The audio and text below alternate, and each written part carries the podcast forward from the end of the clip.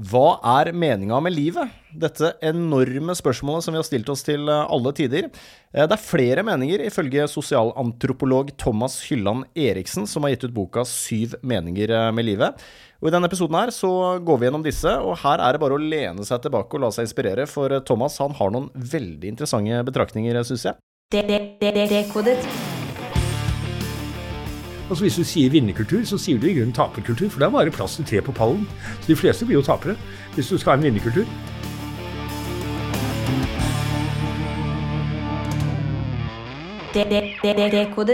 Hjertelig velkommen til Dekodet, Thomas Hylland Eriksen. Takk skal du ha. Meninger med livet i flertall. Ja. Da antar jeg at den der kongesmeninga, uh, at det er én mening, det, det stemmer ikke? Nei, det ser jeg bort fra, og jeg tar avstand fra det synet. Om, og jeg tar også avstand fra det synet om at du liksom kan sette opp tolv punkter, og hvis du bare gjør sånn og sånn og slik, og prøver å reformere og forandre det og bli ja. sånn, så blir du lykkelig og får det bra og, og kan redde både klima og dine medmennesker. Det tror jeg ikke noe på. Så det er ikke noe selvhjelpsbok, det her, altså? Ikke egentlig. Men okay. eh, kanskje folk kan bruke den i hvert fall til å tenke litt rundt uh, sin egen tilværelse og andre. Da, kjenne seg igjen litt og, og, gå i diskusjon. Altså, jeg har skrevet en slags um, dialogbok Eh, den er litt monologisk, for det er bare jeg som skriver. Ja. så det var ikke til å unngå. Men den, jeg forsøkt å være såpass åpen at jeg ikke nødvendigvis gir definitive svar. Jeg har jo mine synspunkter, og det kommer vi til, uh, på uh, hva som gjør livet meningsfylt. Men uh, at andre kan få lov å komme inn, det er lov å være uenig, og de kan mm. spinne videre, og de kan få assosiasjoner, og de kan til og med bli forarget og sende meg en e-post hvis de har lyst til det. Ja. Da har jeg lykkes, fordi jeg prøver å melde meg inn i den store samtalen. Ja. Du kan si at uh, Da jeg først uh, fikk ideen om å skrive en bok om livets meninger, så var det jo flere av vennene mine som sa ja, det var kjempeoriginalt, Thomas. Det er jo aldri noen som har gjort før. ikke sant? Eh, men sannheten er at nettopp derfor syns jeg det er interessant å ta det en runde til. Ja. Fordi eh, dette er noe vi mennesker har vært opptatt av helt siden vi la oss si, kom ned fra trærne og ut av hulene. Eh, ja. og begynte å, å, se på stjernehimmelen og fundere over eh, vår egen plass i universet og hva som skjer når vi dør. og, og hvordan vi skal ta oss av barna våre og vår ektefelle eventuelt osv. Det har vi drevet med i titusener av år, helt siden vi ble mennesker. Og er vi nærmere svaret? Nei, det tror jeg ikke. Men, eh, men, det er noe av det som er interessant. Men jeg tror at det er noe av det viktigste som skildrer oss både fra andre dyr, som har masse kvaliteter som vi ikke har, masse egenskaper vi ikke har. De har bedre luktesans og, og, og, og, vi oppdager stadig nye ting om andre dyr, men de spør ikke seg selv om hva som skjer når de dør. Altså. Nei, det det og det samme med AI, eller KI, kunstig intelligens, eh, kan løse de aller fleste oppgaver, men de har jo ikke noen minner. De har noen, de har ikke hatt noen barndom, de har ingen kropp, de har ingen dødelighet. Mm. Eh, og de har ikke liksom, mange av de si, faktorene som gjør oss til mennesker, og som gjør at vi funderer oss over livets mening. For En av grunnene til at vi funderer over dette, er jo at vi vet at det kommer til å ta slutt. Ja. Og hvis de ikke gjør det, så, så, går, så renner det ut i sanden. Da blir det ingenting. Så eh, det er, det, er, det er, svaret på det. Ja, for Jeg hørte deg si en gang at livet har ikke mening, men livet er mening. Ja, det er, riktig. Ja, er det derfor KI ikke ja, de, de, de kan, altså, kan, jo Ja, altså kan den tenke osv. Spør de, ja, den kan jo løse alle disse, og den kan skrive eksamensoppgaver. Men det gjør den jo bare fordi du har matet en masse data inn og gitt den noen algoritmer og noen instrukser som gjør den i stand til å gjøre det. Mm. Den, eh, den, har ikke noen egen vilje. Altså, Jeg vil ikke utelukke at eh, noen av de mer avanserte KI- eller AI roboten etter hvert vil kunne komme til å få det, men det er ren science fiction foreløpig. Ja, det er det. At de skulle ha selvbevissthet Så tenker jeg nå skal jeg jammen meg ta knekken på menneskeheten, sånn at jeg kan ta ver få verdensherredømme. Hvorfor skulle de det? Mens vi ja. mennesker og særlig vi menn, vi er ute etter og vi skal skaffe oss damer, og vi skal skaffe oss makt, og vi vil at andre skal beundre oss, og vi har masse sånne irrasjonelle eh, drifter og lengsler. Og problemet med kunstig intelligens er jo at den ikke er irrasjonell i det hele tatt. vet du. Den er Nei, bare 100 rasjonell. Men, men, men, at livet er mening, betyr det at alt livet er meningsfylt? Nei, Nei det gjør det ikke. Nei. Men jeg hadde, altså hvis jeg hadde tenkt meg om en gang til, men da var det for seint, så ville jeg ha kalt boken min ikke 'Syv meninger med livet', men 'Syv meninger i livet'. Ja. Altså fordi eh, det er noe med at livet er mening, som du også sa. At uh, det, livet som John Lennon også snakker om, det er det som skjer mens du er opptatt med å gjøre andre ting. Ja. Og vi må prøve å nyte den uh, Vi må prøve å være oss bevisste. At ja. vi, må, vi, må, ikke utsette ting for mye. Vi må ikke vente for lenge med å gjøre ting. Og vi må prøve å glede oss over både de små og de store ting. Det er liksom ja, det jeg snakker om. Men Kan vi tenke oss at mening må skapes, da? At livet er grunnleggende meningsløst egentlig, men vi skaper ja. mening? Ja, det ja, gjør vi. Det var en av mine gamle kolleger som døde her for noen år siden, en klok gammel antropolog som het Clifford Gates. Han var så lei av å høre alle disse her darwinistene og andre som snakket om at ja, mennesket er jo et territorielt dyr, og mennesket er et voldelig dyr, og mennesket er et sånn og slik dyr. Så sa han til slutt at nei, altså Nice try, men mennesket er et selvdefinerende dyr. Ja. Og dermed så stoppet han kjeften på dem, iallfall en liten stund. Og det er i grunnen det du sier, at eh, vi må, legge, vi må skape Ingenting har en mening i seg selv, vi må skape den meningen på egen hånd. Og der får jo jeg da et ganske stort lerret når jeg skal skrive om livets meninger, og fylle med, med maling, med, med, med bilder, og med eh, situasjoner, og med relasjoner, og med mye annet rart, fordi det ikke er så mye som er lagt der på forhånd. Fordi, som du eh, antydet i sted, vi har jo ikke egentlig kommet noe videre. Altså Innen vitenskap og teknologi så har vi gjort store fremskritt. Ingen kan nekte for det. Eh, ingen tvil. Vi vet mer, vi kan mer, og vi har eh, en type kontroll over naturen som nå er i ferd med å bite seg selv i halen og ødelegge vårt eget livsgrunnlag, fordi vi har vært så vellykkede og så flinke til å kontrollere naturen eh, og dominere den på en hensynsløs måte. Men vi har vært kjempegode. Men når det gjelder spørsmålet om hva vil det si å være et godt menneske, hva er et godt samfunn, hvordan kan jeg oppføre meg for å være en god uh, ektemann, far, nabo, bror osv., så, videre, så har vi egentlig ikke kommet noe lenger enn Platon og Buddha. vet du. Nei. Så uh, der gjøres det faktisk ikke fremskritt på den måten, etter min mening. Riktig. Og jeg ser jo også det at i, i boken min så, så går jeg jo da i dialog med ja, både ting jeg liksom leste i The Guardian eller Aftenposten i forrige uke, eh, og filosofer som levde for 2000 år siden, og kanskje forfattere som skrev svære romaner på 1800-tallet. Og de er våre samtidige, alle sammen. Ja. Fordi altså, du kan, eh, Hvis du bare skreller bort eh, liksom, det, det er sånne litt knirkete språk og, og kanskje eksempler osv., så, videre, så vil du se at Michel de Montaigne, som fant opp det litterære essayet på slutten av 1500-tallet i et uh, slott i Frankrike, han snakker om det samme som oss. Vi kan kjenne oss igjen i det han snakker om. Det er sjalusi, og det er bekymringer, og det er små gleder, og det er hvordan de små tingene plutselig blir viktige, sånn som å leke med hunden sin blir mye viktigere enn å lese en gammel romersk bok. Sånne ting. Ok, Så vi har ikke evnen til å lære, altså? Det er de samme spørsmålene vi driver og kverner på. Ja, 100 jo da, vi lærer, men vi kommer ikke videre. Og jeg tror det ligger i sakens natur. At vi kommer rett og slett ikke videre når det gjelder disse spørsmålene. Det er ikke, alt, det er ikke, alt, det er ikke alle områder hvor det er fremskritt. Nei, riktig. Nei. Relasjoner, det er Ja. det første kapitlet. Ja, og det er kanskje det viktigste. Altså Det er kanskje den viktigste meningen. Ja, nei, alle er jo viktige, men eh, jeg tror Og det er, der ligger min kulturkritikk, eh, eller sivilisasjonskritikk, at vi er altfor opphengt i individets eh, rett til selvrealisering i, i vår type samfunn. Noe som gir oss visse albuer, men også skaper mange tapere. Altså Hvis du sier vinnerkultur, så sier du i grunnen taperkultur, for det er bare plass til tre på pallen. Så De fleste blir jo tapere hvis du skal ha en vinnerkultur. Eh, Så eh, jeg tror at det som skaper oss, og det er jeg helt overbevist om, det er relasjonene til andre. Altså Det er, eh, det er det som gjør det. Andre mennesker, og etter hvert også kanskje andre dyr. Det kan være landskap, det kan være naturen rundt deg. Men det er, det, det er de små, tynne, små trådene som forbinder deg med verden utenfor, Ja. som gjør deg til den du er. Så ikke bare med andre mennesker, men også verden utenfor. For jeg Ja. tenker, Der, der er skillet mellom mennesker og dyr. Da. Altså, isbjørner er jo solitære dyr som bare vandrer rundt alene hele livet. Jeg vet ikke om de opplever noe mening i det hele tatt. Ja, Nei, det er vanskelig å si. De opplever jo sult. Ja det gjør det, ja. Ikke sant? Nei, det er vanskelig å si. De er solitære dyr. Det er et unntak. Det er jo en binne som har barn, eller unger. Hun henger jo sammen med ungene i hvert fall det første året. Men, eh, men det er klart, noen dyr er, går jo rundt for seg selv. Noen dyr er veldig sosiale. Maur er veldig sosiale. Så det har ikke så mye å gjøre med liksom hvor, hvor de befinner seg på en slags stige da, av utvikling.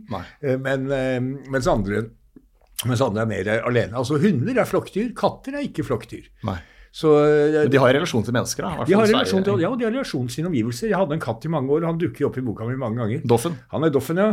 Og han forlot oss dessverre mens den boken fortsatt var i korrektur. Så han fikk aldri sett den ferdige utgaven. Men den er så flott med dette omslaget hvor han er med liksom på forsiden og greier. Men han fikk aldri sett det, dessverre. Men når han satt i vinduskarmen, også da han var ganske gammel og skrøpelig, og så ut, så merker du at nå er det ting han ser på. Han følger med, og han følger med på hva som skjer der ute. Og plutselig, gamle giktiske katten hoppet ned fra vinduskarmen og ut gjennom kattedøren og skulle ordne opp i et eller annet ute i hagen eller hos naboen. Og da skjønte du at her er det et eller annet, en relasjon til omverdenen som plutselig blir aktivert.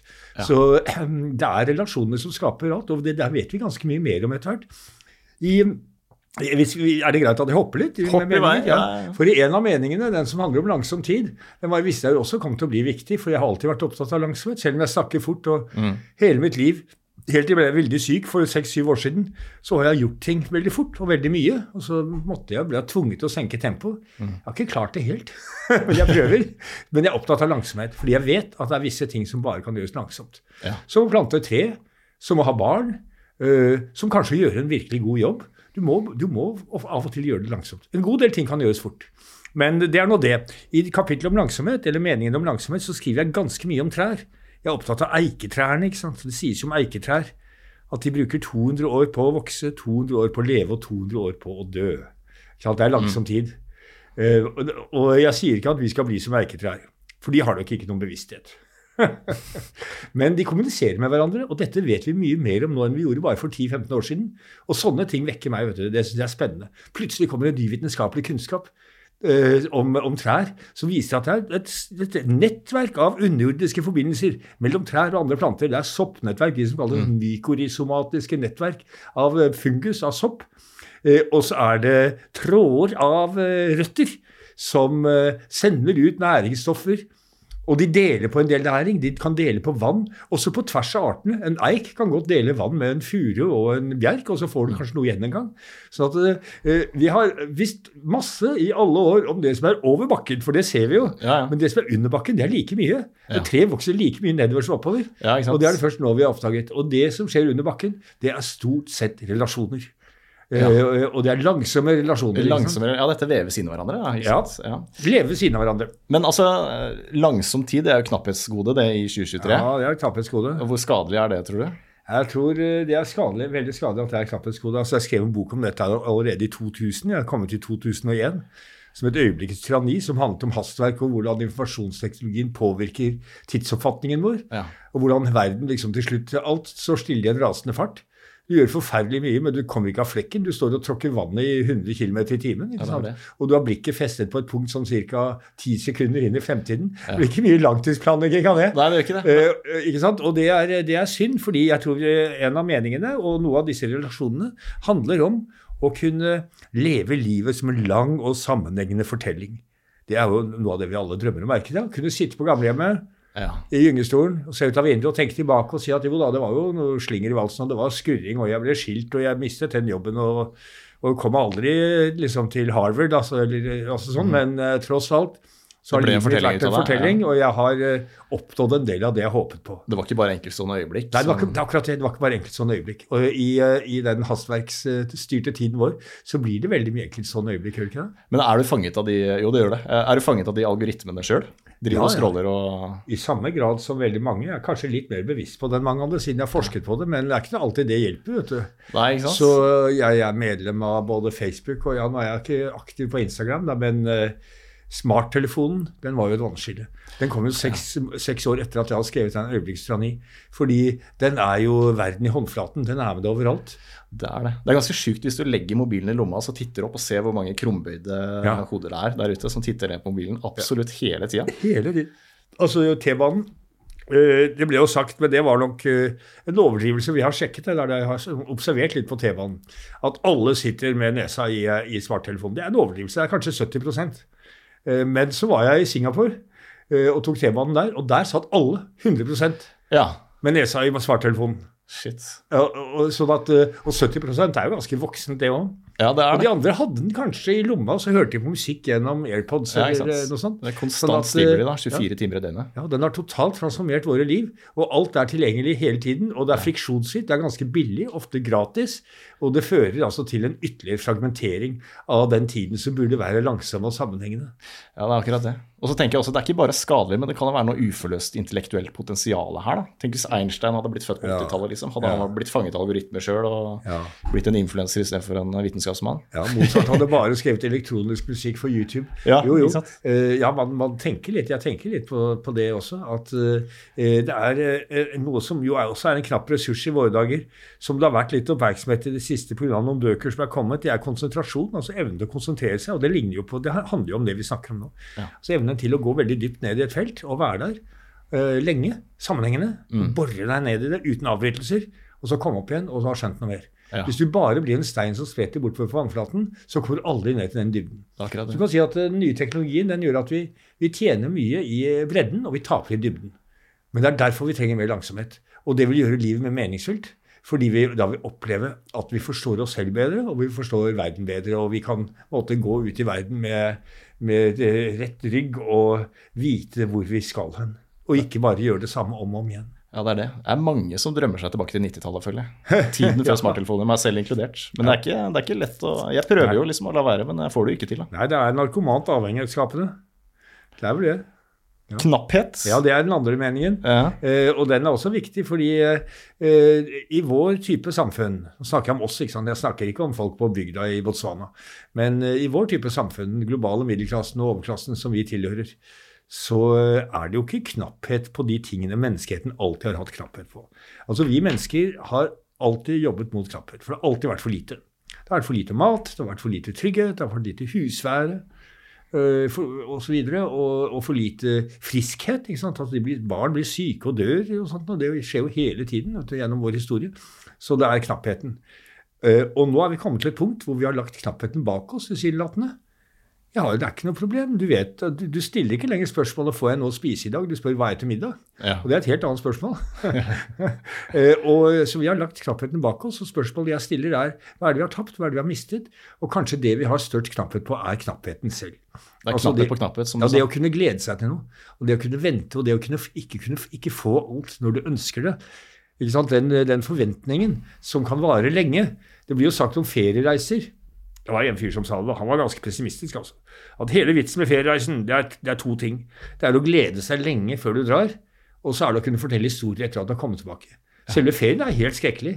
Fordi, de, fordi folk glemmer én ting. De drar til et deilig sted i Karibien. Ja. Eh, og de har sett bilder, og de har gledet seg veldig lenge. Men det de glemmer, er at de har med seg sin råtne ekteskapelige relasjon på lasset. Og den kan de ikke legge igjen hjemme. Så? Relasjoner er jo ikke alltid gode. Relasjoner kan også være destruktive, og da må man kvitte seg med dem. Og de har med sin egen irritable personlighet. Uh, og så videre. sånn at eh, selve ferien blir et mareritt, fordi du er dømt til å være sammen med eh, kjæresten din eller kona eller samboeren i en eller to uker hele tiden uten sikkerhetsventil. Og meningen er at du skal ha det hyggelig, og så har det ikke det. Så der er det? Det, det forteller oss noe om knappheten. Og at eh, det der, eh, altså ferien som sådan Skal ikke jeg si noe om han har rett eller tar feil. Jeg har hatt mange fine ferier med både kona mi og med kone og barn før i tiden. Men, eh, men at den eh, knappheten knyttet til å glede seg lenge til noe, at det kanskje er like viktig å glede seg som når du endelig får det. Ja. Og når du ikke gjør det, bare, hvis du vil se en film, så finner du den liksom på HBO, eller Ja, hvis du vi hører på noe musikk, finner du den på Spotify. Det er umulig det- å velge film på Netflix, for det er så mye å velge i. Ja. Og det tar noe av gleden ut av det. Ja. Den gangen da det bare var ti, jeg har ofte drømt om den gangen da du skulle i butikken og kjøpe deg en jakke, og så hadde de to. da. De hadde marineblå, og så hadde de brun. Eh, og så kunne du velge mellom dem. Og da gjorde du et valg. Mm. Ja, jeg tar den brune, sier jeg da. Og så føler jeg liksom at nå mestrer jeg omgivelsene, for de har jo tatt et valg. Men jeg slipper å bli havnet i valgets tyranni. Ja. Hvor det er umulig å bestemme seg, og hvor så fort du har gjort det, så angrer du på det du har bestemt deg for. Så det er rett og slett for mye av alt, og vi trenger mer knapphet. Det er litt som kreativitet, er det ikke det? Hvis jeg sier lag en tegning, så er det umulig å være kreativ. Men hvis jeg sier lag en tegning, du har 30 minutter på deg, du får kun bruke fargen blå, Mm. eh, det skal være figurativt, så vær så god. Da må du være kreativ for å løse et Det problem. må du. Det må du. Det er helt riktig. Det, er, det er akkurat det samme. Det, blir, det er et veldig godt, en veldig god sammenligning. Den totale frihet er en illusjon. Og den skaper ikke noe frihet i det hele tatt, tvert imot angst og tvang. Mm. Fordi du ikke vet hva du skal bruke den til. Det er akkurat det. Så eh, det er, derfor er knappheten viktig. Drømmer. Ja. Tenker du da på drømmer som i livsdrømmer? Jeg drømmer om å bli det og det, jeg drømmer om at jeg skal tjene så mye penger, jeg drømmer jeg skal komme dit en dag. Eller tenker du drømmer som i, når vi sover? Godt spørsmål. For det, det, det sirkler jeg litt rundt i, i den meningen da, om drømmer. Um, hva forskjellen er, og hva likheten eventuelt er, mellom den sovende drømmen og den våkne drømmen. Den våkne drømmen er jo ofte det du snakker om, altså en dagdrøm. Så den er litt i slekt med forventninger. Så den bygger bro kan du si, mellom forventninger og en mening som det ikke ble plass til, men som jeg skriver litt om, eh, nemlig håp. Som det også er manko på i et overflodssamfunn. Det er ikke nok håp. eh, Fordi eh, vi har sluttet å håpe fordi vi har sprengt akkorden og kommet i mål. ikke sant? Tenk, tenk om jeg får en leilighet med elektrisk komfyr og innlagt vann en gang. Sånn håpet de på i 30-årene i Oslo. Det er ikke så lenge siden. Nei. Og så fikk de det da på 40-tallet og ble lykkelige. Og, og var lenge lykkelig over at jeg hadde fått en leilighet altså med elektrisk komfyr og innlagt vann. Eh, Den, den er borte nå. Nei, de drømmene Du kan si at de drømmene du har når du sover, de, de, der er det jo også en gammel, det er jo en gammel disiplin innenfor både filosofi og litteratur og religion, altså drømmetyding. Det var jo ikke noe Freud fant opp, selv om han gjorde det, prøvde å gjøre det til en slags vitenskap. Så hva betyr drømmene? Jo, de forteller deg jo noe om eh, det du drømmer om, det du ønsker, men også det du er redd for, og, og dine frustrasjoner. Eh, og, så de er, de er jo en sikkerhetsventil på flere måter, sånn sett. Ja. Jeg drømmer ofte, hvis jeg har litt for mye å gjøre, så drømmer jeg om ting jeg ikke rekker. Du blir stående fast i en rulletrapp bak en masse andre folk, og de nekter å flytte seg.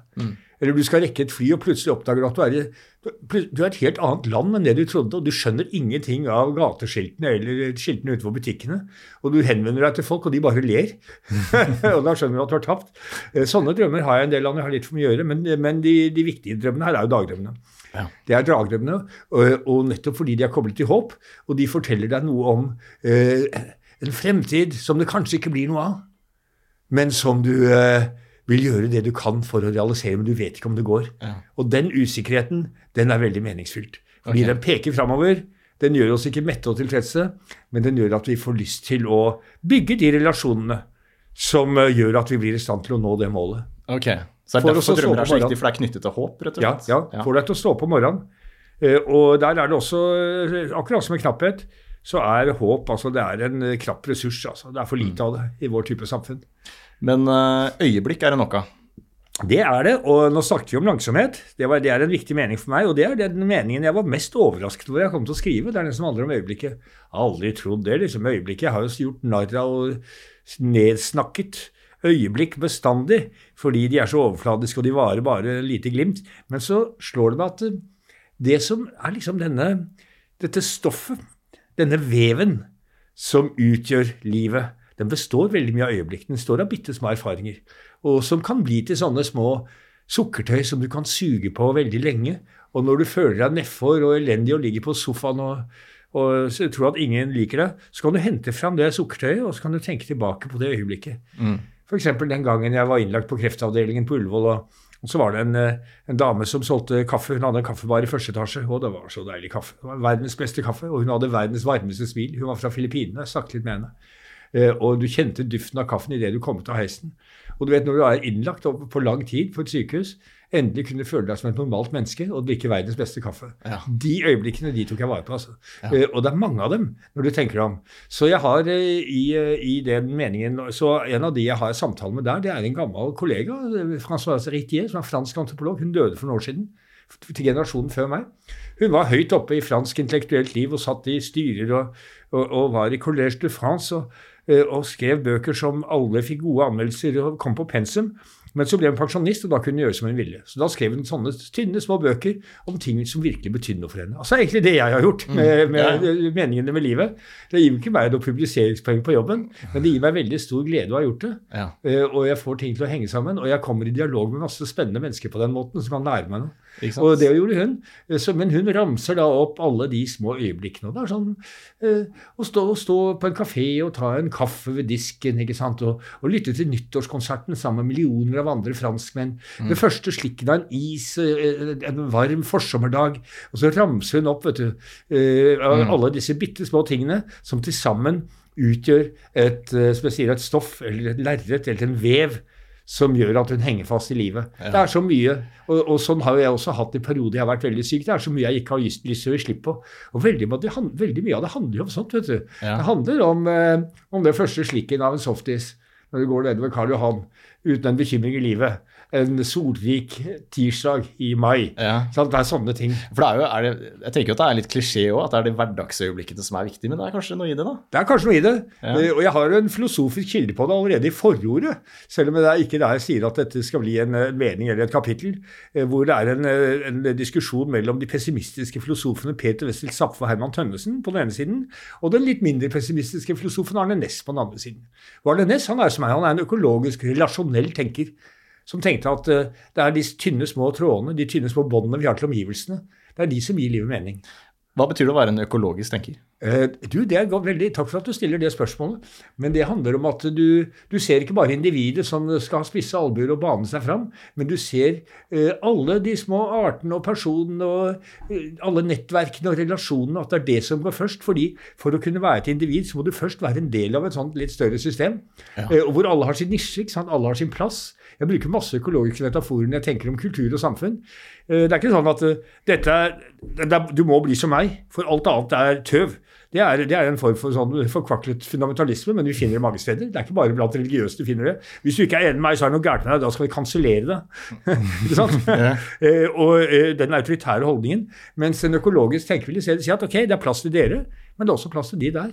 Og dere må kunne leve sammen. Og det klarte vi helt fint, fordi vi har økosystemer i Øst-Afrika hvor du har sebraer og sjiraffer og gaseller og løver og slanger, og de har holdt ut der i tusenvis av år sammen. Ja. Uh, så, uh, Ja, For du er jo sosialantropolog, ikke sant? Ja, jeg er det er kanskje økologiske forskjeller mellom kulturer, da. Ja, jeg gjør det. Jeg ser veldig de økologiske forskjellene mellom kulturer. Noen kulturer er samarbeidende kulturer, og andre er konkurransekulturer. Og det er gode og dårlige sider ved begge to. For du kan si at Hvis vi bare hadde samarbeidet, og bare brydde oss om eh, hva, hva, hun, hva trodde hun at jeg mente da jeg sa at altså, man er veldig opptatt av andres reaksjoner på det man gjør, fordi man er så omsorgsfull og kjærlig, så, så er du ute å kjøre, for da er ikke den kulturen på vei noe sted. Det er ingen som har ambisjoner. Ja. Ikke sant? Ingen ambisjoner om å gjøre noe nytt, om å få til noe som ingen andre har fått til, om å få beundring for å gjøre noe storartet. eh, Mens en konkurransebasert kultur Og vi har jo vippet veldig langt i den retningen siden jeg var en ung gutt altså i dette samfunnet. Mye mer individualisme og konkurranse. Eh, Der, eh, der risikerer vi at du, får, du får mye ensomhet. Og lite fellesskap. Så begge har, altså, Man må finne balansen mellom disse tingene. Men det er det jeg mener med økologisk. Men det jeg skulle si om Arne Næss, da, det var at eh, jo da, Zapfe og Tønnesen de snakker jo om hvor meningsløst livet er. Og så sier Arne at, eh, at spørsmålet er feil stilt, for man kan ikke stille spørsmål om en overordnet mening med livet. Det får du aldri noe svar på. Men i stedet må du lete etter mening i de små ting. Og så begynner han å snakke om høstløvet som faller og i oktober ikke sant, og alle de tingene her. Så eh, han har sett noe av det samme som, eh, med hensyn til øyeblikket. Riktig. Eh, og du nevnte balanse. Altså Jeg tror balansekunst er kanskje det Ja. som gir mest mening for meg. Finne balansen da, mellom jobb, fritid, være sosial, karriere, alle disse tingene der. Finne den gode balansepunktet der. Det er vanskelig. Det er kjempevanskelig, eh, og, og det er dit vi må. Eh, Ja. altså, eh, ja, Balansekunst, som da er den nest siste meningen i, i boken min, um, det, ja, det dreier seg jo om uh, frihet og trygghet, f.eks. Altså, hvis, du, hvis, hvis du får veldig mye trygghet, så blir det litt klamt fordi du får ikke beveget deg. Og har du altfor mye frihet, så har du ingen å gå til når du har problemer. Uh, yin og yang ikke sant? i kinesisk filosofi det handler jo også om motpoler og motstridende krefter, hvor vi skal prøve å uh, håndtere begge to. Og så har jeg en historie. ehm, den handler ikke egentlig om balansekunst, men den handler jo også om hvordan det er to typer krefter som virker i oss. Men er fra Cherokee-indianerne i Jeg kaller det indianere, jeg er gammel nok til at jeg får lov til å si det. Selv om det egentlig heter urfolk nå. Men Cherokeene i sørøst-USA, eller Georgia, liksom, oppover der, South Carolina, skogområder gamle, gamle Cherokee-bestefaren da sier til guttungen De sitter og ser på solnedgangen og undrer seg over livet. Nå tror jeg du er gammel nok til å skjønne dette, gutten min, så nå skal jeg fortelle deg noe. Inni meg er det to ulver. De kjemper en kamp på liv og død. Den ene er grådig, glupsk. Han er eh, hensynsløs, brutal, egoistisk. Og den andre er varm og kjærlig og omsorgsfull og opptatt av å bidra positivt til fellesskapet. Og de kjemper en kamp på liv og død. Og så spør guttungen ja, men eh, bestefar, hvem er det som vinner, da? Ja, Det kommer an på hvilken av dem jeg gir mat. Ja. Ikke sant? Så der har du det med balansen. Hvilken gir du mat? Og det er et stikkord som eh, er ganske viktig når vi tenker på hvordan vi innretter oss i denne verden og i dette samfunnet. Hvilken av ulvene har jeg gitt mat nå, egentlig? Hvis du tar USA rett etter at pandemien brøt ut. Noe av det første som jeg leste om eh, der, av litt oppsiktsvekkende nyheter, det var at salget av håndvåpen og ammunisjon gikk veldig raskt i været. Håndvåpen og ammunisjon. Det skjedde ikke i Europa. Og det skyldes jo at eh, man antar at eh, andre mennesker er en trussel mot meg. De er mine potensielle fiender, og jeg må forsvare meg mot dem. Det er, liksom, det er ikke noe, akkurat noen oppskrift på tillit, det er en oppskrift på mistenksomhet. Ja. Tenker at dette samfunnet, Jeg skal ikke dømme noen av dem som kjøpte håndvåpen og ammunisjon, men det har, der har det vært altfor lang dominans av den ene ulven, og, og hvor den andre har fått slippe for lite til. Rett og slett. Ja, rett og slett. Som har blitt indoksinert fra ja. tidlig, ja. Ja, Så der har du liksom noe av denne Å finne, å finne, å finne den balansen og, og gjøre de valgene. Og balansen vil jo være ulike steder for, for forskjellige mennesker. Noen trenger masse luft under vingene, og, og de blir helt De får helt uh, De får kvelningsfornemmelser hvis de lever i et parforhold mer enn et par måneder. Det gjelder vel særlig for unge mennesker som liksom syns det er eh, litt skummelt å forplikte seg langsiktig. Så de må ha mye luft under vingene og mye frihet og kunne gjøre hva de vil. Eh, og andre er ekstremt trygghetsnarkomane og er livredde for å miste jobben, for at de må flytte, eh, for at ektefellen skal gå fra dem. For da blir livet brakt ut av balanse. Så vi, jo, vi plasserer oss i veldig ulike steder her, men vi leter alle etter de samme balansene. Hvor lang tid tok det før du fant balansen? jeg jobber med det hver dag. ja, fortsatt. ja, nei, men du kan si at jeg eh, For meg er det et viktig stikkord. Altså, og det har også noe å gjøre med at jeg har vært innmari mye syk. Nå kan vi gå for den siste meningen, som handler om å gi slipp, og det handler om døden. Mm. Å forsone seg med døden. Jeg har vært så mye syk og så mye på dødens rand de siste seks-syv årene at jeg ser nok litt annerledes på disse tingene nå enn det jeg gjorde før. Eh, og, og vi, finner, vi leter etter denne balansen hele tiden. Men det som betyr mye for meg, det er å vite at jeg er en liten, bitte liten, tynn stemme i det store kosmiske kor, som består av millioner av mennesker som lever nå, og enda flere som har levd før, og kanskje til og med noen av de som lever senere. Og så ja. forsvinner min stemme, og da hører jo ikke noe særlig forskjell. Hører ikke forskjell i det hele tatt. Men det er likevel en stemme som er blitt borte. Mm. Så vi har alle vårt lille bidrag til dette store kosmiske koret. Og vi har alle våre tusenvis av mer og viktigst tynne, små tråder mm. som binder oss fast i verden utenfor, og som gjør at det er så vanskelig å gi slipp. Det ble sagt Det var etter at jeg hadde utgitt denne boken, som var jeg som hadde lest den. da. Jeg hadde fått en del reaksjoner på den. Det er jo noen måneder siden den kom ut. Uh, hun hadde lest den, og hun sa at nei, altså hun hadde jo da jobbet med døende uh, i jobben sin. Hun var helsearbeider. Og hun var så slått av at, og dette var i Afrika, at unge mennesker ser ut til å ha lettere for å gi slipp enn de gamle. De gir opp. Mm. De gir seg mye før og sier ja, ja, ok da, ok da, jeg gir meg. Mm. Det ble ikke noe mer. Too bad, men det ble ikke noe mer. Mens de gamle kjemper med nebb og klør for yes. å kunne leve litt til. Så jeg henne hva kommer det av, da? Uh, nei, hun visste ikke. Og min hypotese for hva den er verdt, det er at de gamle de har så mange relasjoner som må avvikles. Og de, ja. har, de henger fast i verden på så mange forskjellige måter. Ja. Tenk deg det. Altså, de har etterkommere. De har kanskje hvis det er gamle menn, så har de kanskje en kone. Gamle koner, så har de kvinner, så har de kanskje en mann. Og de barn og barnebarn, barnebarns barn. De har eiendom som skal fordeles, kanskje. Eh, men ikke bare det. Eh, de har, eh, de har hørt på klassisk musikk. De har vært med på podkaster med deg. De har masse minner som de må på en eller annen måte håndtere og kvitte seg med og avvikle, sånn at de kan forsone seg med at de skal dø. Yes, Tenk deg det, altså Alle de trådene som må kuttes over når du har levd lenge. Eh, men, eh, men, for meg var det en. Jeg hadde ikke forventet det der, men jeg måtte tenke over det. Og det er beste, mitt beste bud da, ja. på, på, hvorfor det er så viktig.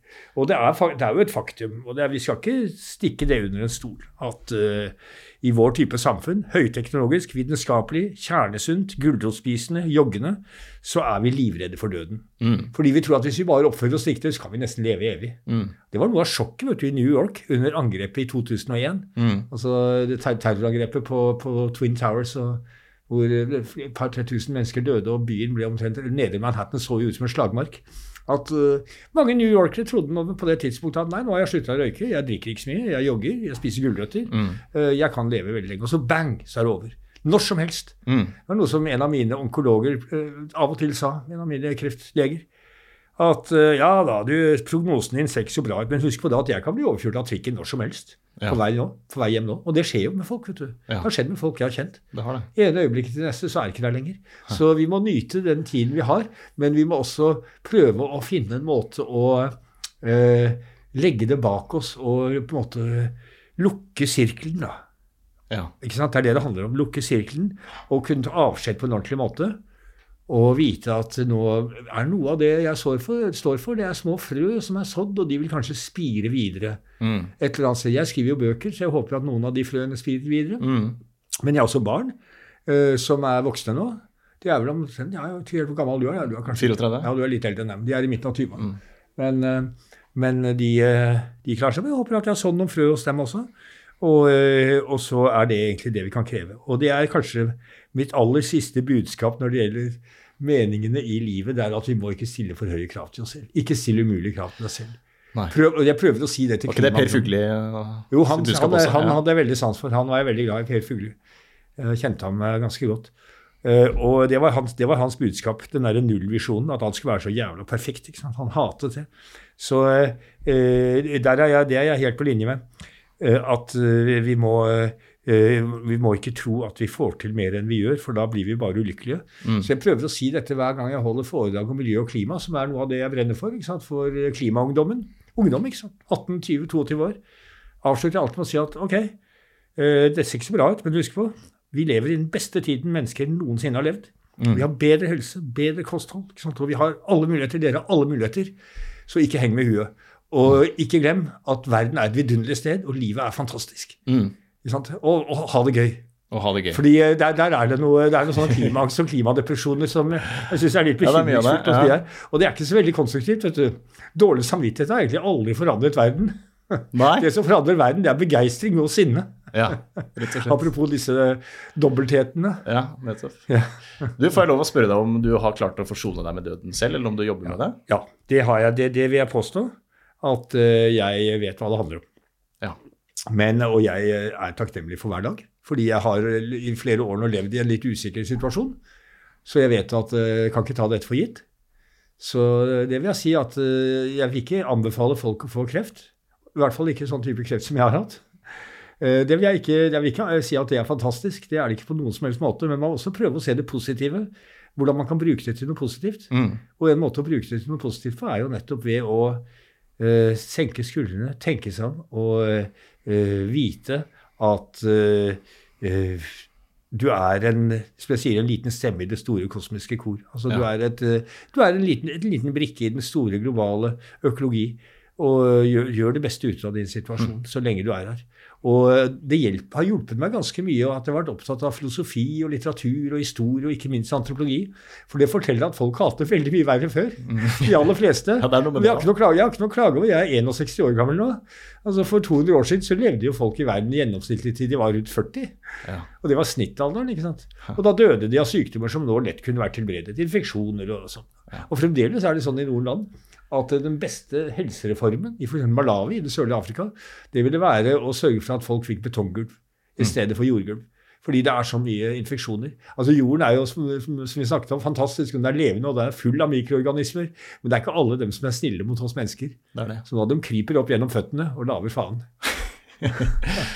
Fine betraktninger. Altså, jeg har masse å lære av deg, og vil gjerne anbefale boka di 'Syv meninger med livet'. Og da tror jeg jeg vil anbefale folk å høre på den, for du har veldig bra fortellerstemme. må jeg bare si. Ja, så hyggelig. Ja. Så hyggelig. Jeg hadde stor glede av å lese den selv. Og det jeg strevde med mest, det var jo å lese i et menneskelig tempo. Men nå hører jeg jo det. At, Ja, for du prater veldig fort, det Ja skal du ha. Men jeg prøver å, le- prøver å lese litt langsommere. Men nå hører jeg jo i hvert fall at du kan skru opp tempoet på podkast hvis du syns det går litt for treigt. Ja, du kan til og med da- skru opp farten på Netflix-serier. Ja, sånn dobbel hastighet, så vi har sett dobbelt så ja, da har du for dårlig tid, har du Da, ikke det? da har du tapt. Ja, da har du tapt, har du ikke? Virkelig, fordi Ja. alt har sin rytme, og den skal vi respektere. Apropos langsom tid. Apropos. Syv meninger med livet. Tusen takk for praten, Thomas Sylland Eriksen. Takk skal du ha. Det var en eh, velsignet stund, og jeg har lært masse av å snakke med deg, jeg også. Takk skal du ha. Dekodet.